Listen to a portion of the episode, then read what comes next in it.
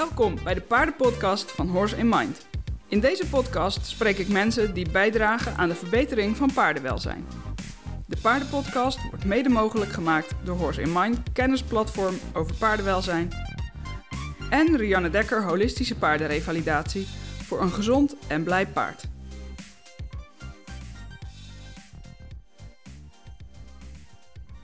Op 1 november gaan de deuren open van de Horse in Mind community. Als member van deze community heb je elke maand toegang tot betrouwbare, actuele en diepgaande kennis over paardenwelzijn. Je ontvangt lezingen, lesvideo's en informatie over alles dat te maken heeft met het houden of trainen van paarden. Ga naar www.horseinmind.nl/slash membership voor meer informatie of om je aan te melden. Hi, ik ben Rianne Dekker en dit is aflevering 13 van de Paardenpodcast. Uh, dit keer is er geen gast, dus ik doe deze podcast in mijn eentje. Uh, en ik wil het graag hebben over luchtzuigen. En luchtzuigen wordt ook wel kribbenbijten genoemd. Um, ik kwam laatst een post tegen op Facebook van Dr. Fowler. Dr. Veronica Fowler heet ze. En zij had een heel erg uitgebreide post geschreven over, uh, uh, over luchtzuigen en kribbenbijten uh, en het effect van een luchtzuigband daarop. Um, luchtzuigen is een stereotyp gedrag.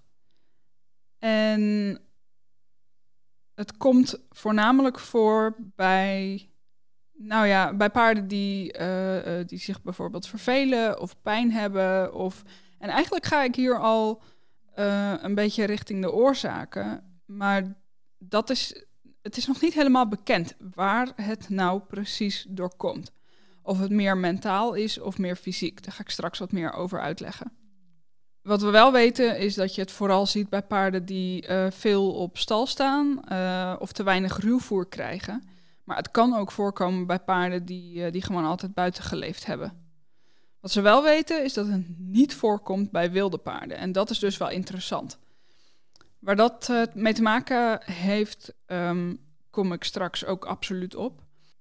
Dit onderwerp interesseert me met name omdat ik op het moment zelf een paard heb wat lucht zuigt.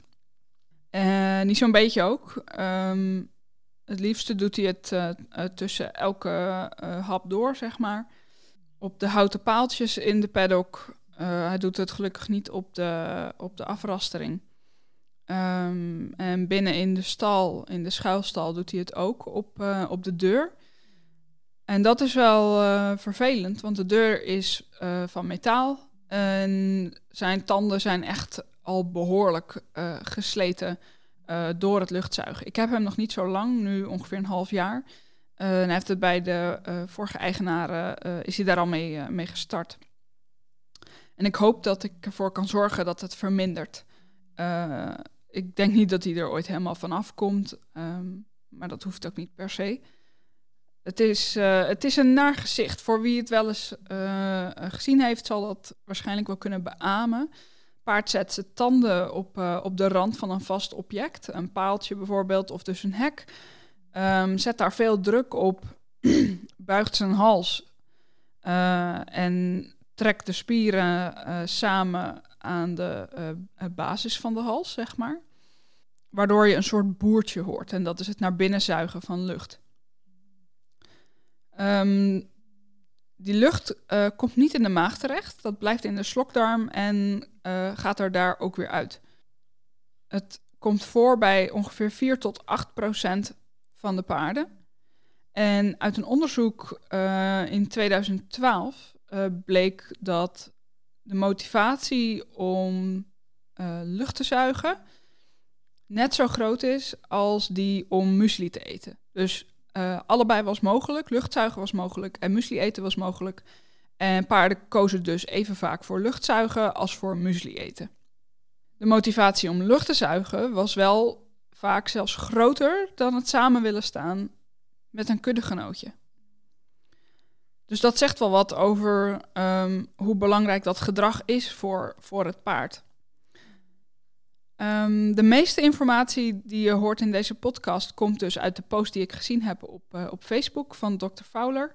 ik heb er ook een blog van gemaakt, die staat op www.horseandmind.nl. Uh, daar kun je alles nalezen wat ik in deze podcast vertel. En in deze podcast ga ik ook nog eventjes iets meer in op het uh, voorkomen dat dit gedrag überhaupt ontstaat. En op wat je kunt doen als je paard al eenmaal lucht zuigt. Wat dan het beste ja, plan van aanpak is. Als je paard dus lucht zuigt, is het misschien verleidelijk om ervoor te zorgen dat hij het niet meer kan doen. Want dan zie je het gedrag niet meer.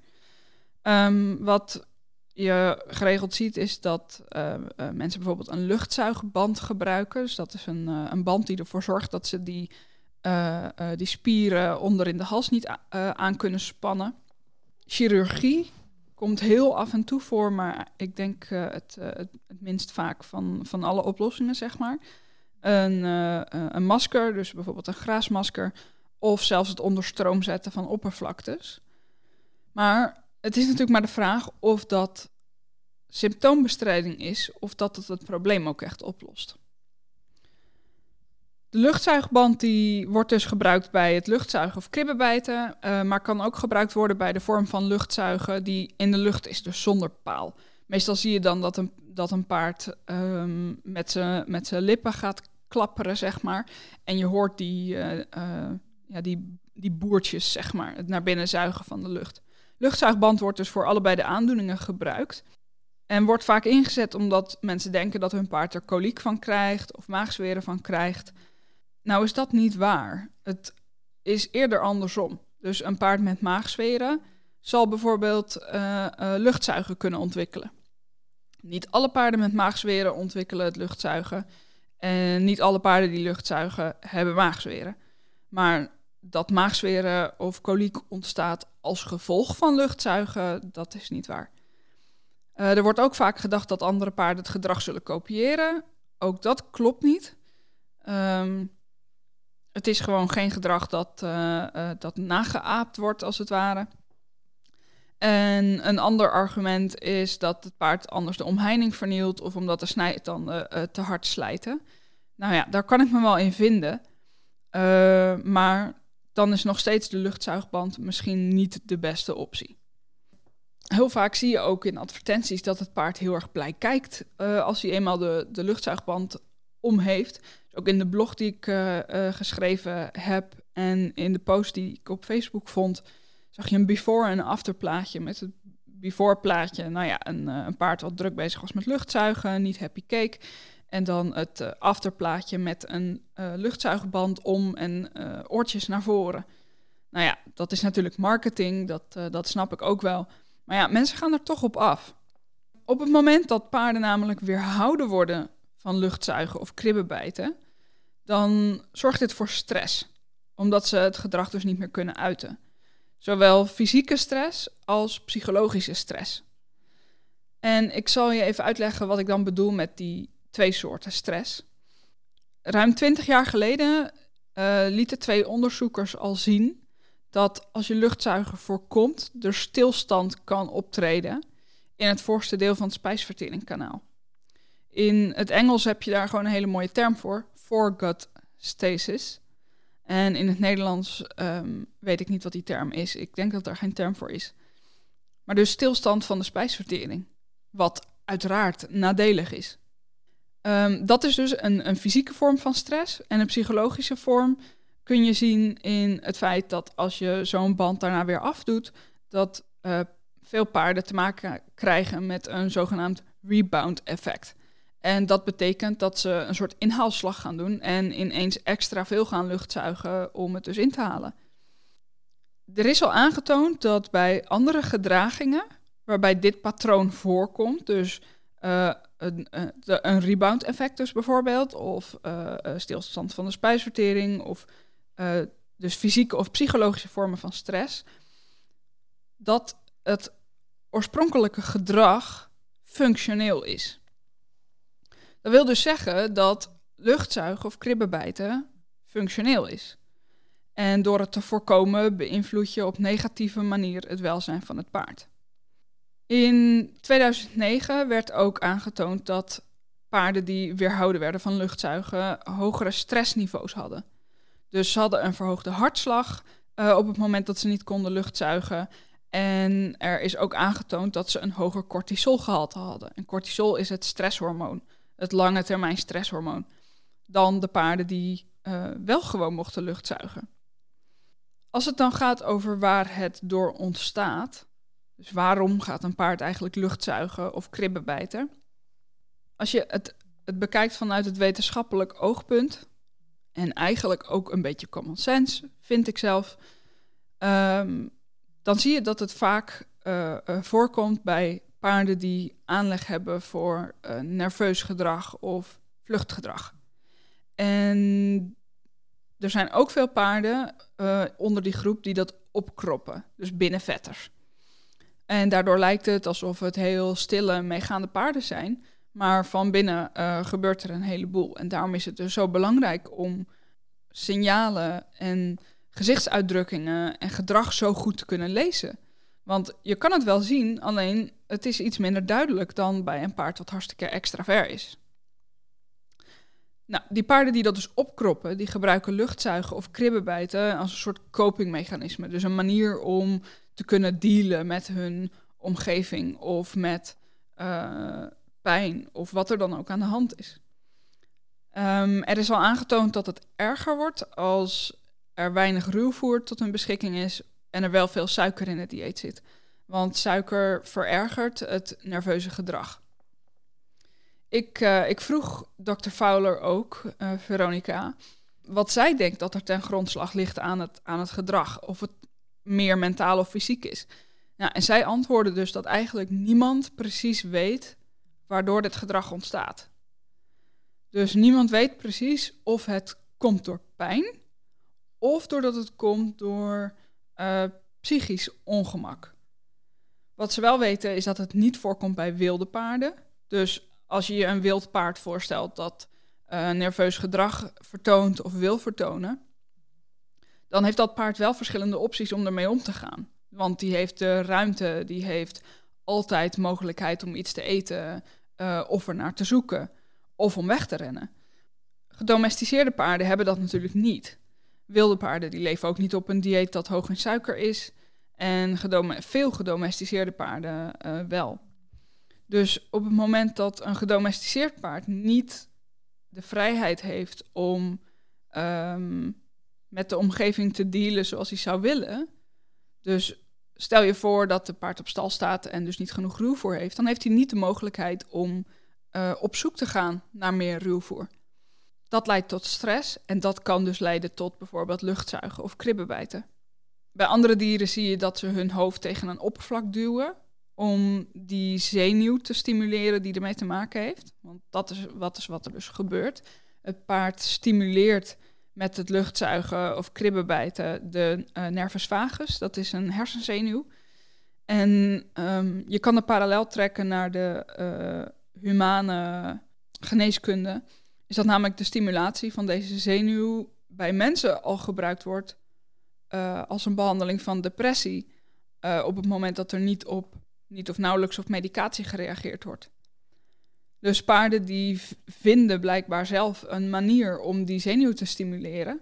En zodra ze doorhebben dat dat een prettig gevoel oplevert, ja, dan wordt het gedrag meteen meer en intenser, zodat ze uh, steeds opnieuw dat plezierige gevoel kunnen ervaren.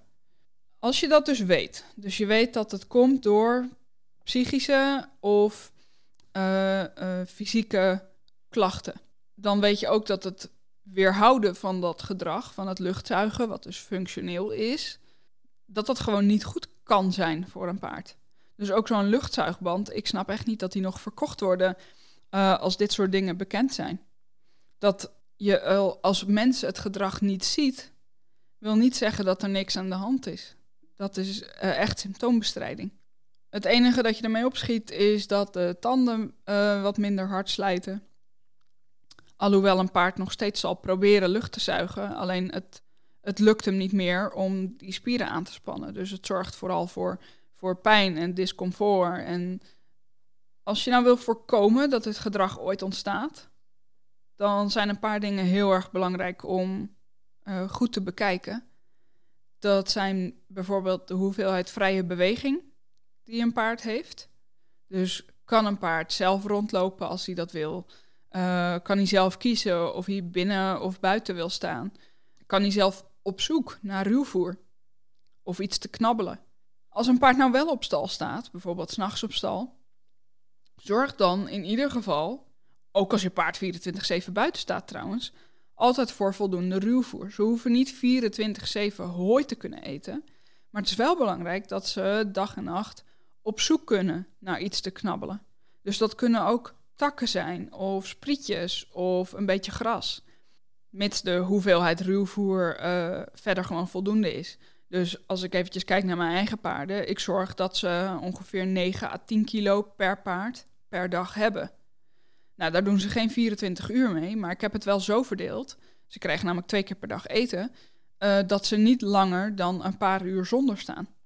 En in de paar uur dat ze, dat ze zonder staan, zijn er nog wel sprietjes te vinden. Of een berg hooi die ze niet zo lekker vinden, maar waarvan ze eventueel wel kunnen eten. Uh, er zijn wat sprietjes gras. Uh, er liggen takken in de paddock waar ze aan kunnen knagen. En op die manier zorg ik dat ze hun natuurlijke behoefte om te zoeken naar voedsel gewoon kunnen uitoefenen, ook als het, het roever op is. Verder is contact met soortgenoten echt heel belangrijk. Paarden die geen contact hebben met soortgenoten ervaren meer stress. Het zijn kuddedieren natuurlijk. Uh, dus dat is eigenlijk ook niet meer dan logisch. Dus als je de, het, het stressniveau zoveel mogelijk kan beperken, en dan bedoel ik het lange termijn stressniveau. Korte termijn stress is bijvoorbeeld uh, langs een spannend plekje lopen. Dat soort dingen. Dat is korte termijn stress. Dat is niet erg, daar kunnen ze mee dealen. Maar lange termijn stress, dus uh, uh, lang geen eten hebben, vaak honger hebben, vaak alleen zijn, nou ja, hun natuurlijke behoeftes niet kunnen uiten dan kan dus stereotyp gedrag ontstaan. En dat is dus ook de manier waarop je het kan voorkomen, is door dat dus wel allemaal aan te bieden. Als je paard nou al een luchtzuiger is, zoals die van mij, dan is er waarschijnlijk geen mogelijkheid om het hem helemaal, ja, tussen aanhalingstekens, af te leren. Als het gedrag eenmaal bevestigd is, dan blijft een paard dat doen omdat het een plezierig gevoel oplevert. Wat je wel kan doen, is kritisch kijken naar wat er allemaal nog verbeterd kan worden. Dus King, mijn paard, de luchtzuiger, is een beetje een revalidatieproject. Hij zit nog niet goed in de bespiering, hij komt moeilijk aan, um, hij wil niet, niet graag dat ik hem aanraak. Dat soort dingen. En dat, dat zijn wel dingen waarmee ik aan de slag kan. Dus ik kan de voeding aanpassen, zodat hij alle uh, vitamine en mineralen binnenkrijgt. Uh, die, die ook belangrijk zijn voor bijvoorbeeld de spieren en de fascia, waardoor aanraking bijvoorbeeld prettiger wordt. Minder pijnlijk of minder oncomfortabel. Ik zorg dat er genoeg hooi is, genoeg ruwvoer, uh, wilgetakken, verschillende manieren van eten, dus van de grond of wat hoger, uh, zodat er echt voldoende variatie is. Um, hij staat samen met een maatje en, en ik onderzoek altijd of er bijvoorbeeld pijn is of dat er darmproblemen zijn of de mest goed is.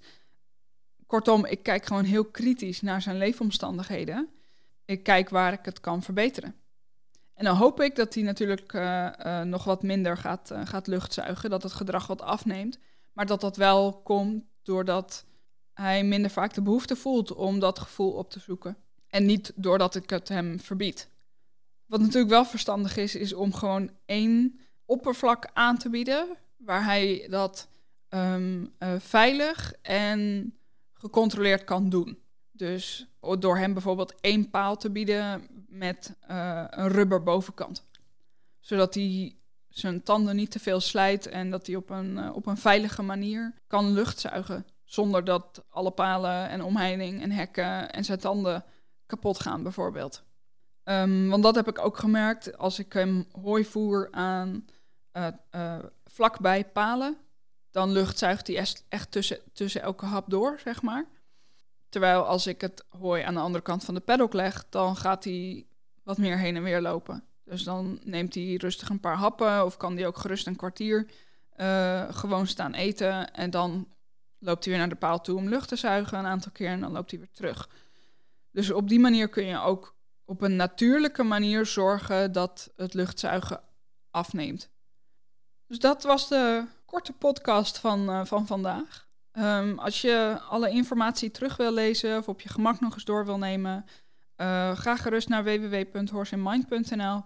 Daar staat de blog op. Uh, het, het, heet Een wetenschappelijke kijk op luchtzuigen en de luchtzuigband. En daar kun je alles terugvinden. En ook de link naar het originele artikel op Facebook. Ik ben wel heel erg benieuwd of jij ook een luchtzuiger hebt, wat jij al gedaan hebt, um, wat bij jou bijvoorbeeld de oorzaak was. Uh, kan ook zijn dat je dat niet weet. En wat je er nu aan, uh, aan doet. Uh, en of je misschien wat gehad hebt aan deze podcast. Dus je kunt me bereiken via social media. Rihanna Dekker. maar mag ook via Horse in Mind. Zowel via Instagram als, als via Facebook. dat vind ik heel erg leuk om wat van je te horen. Tot de volgende aflevering.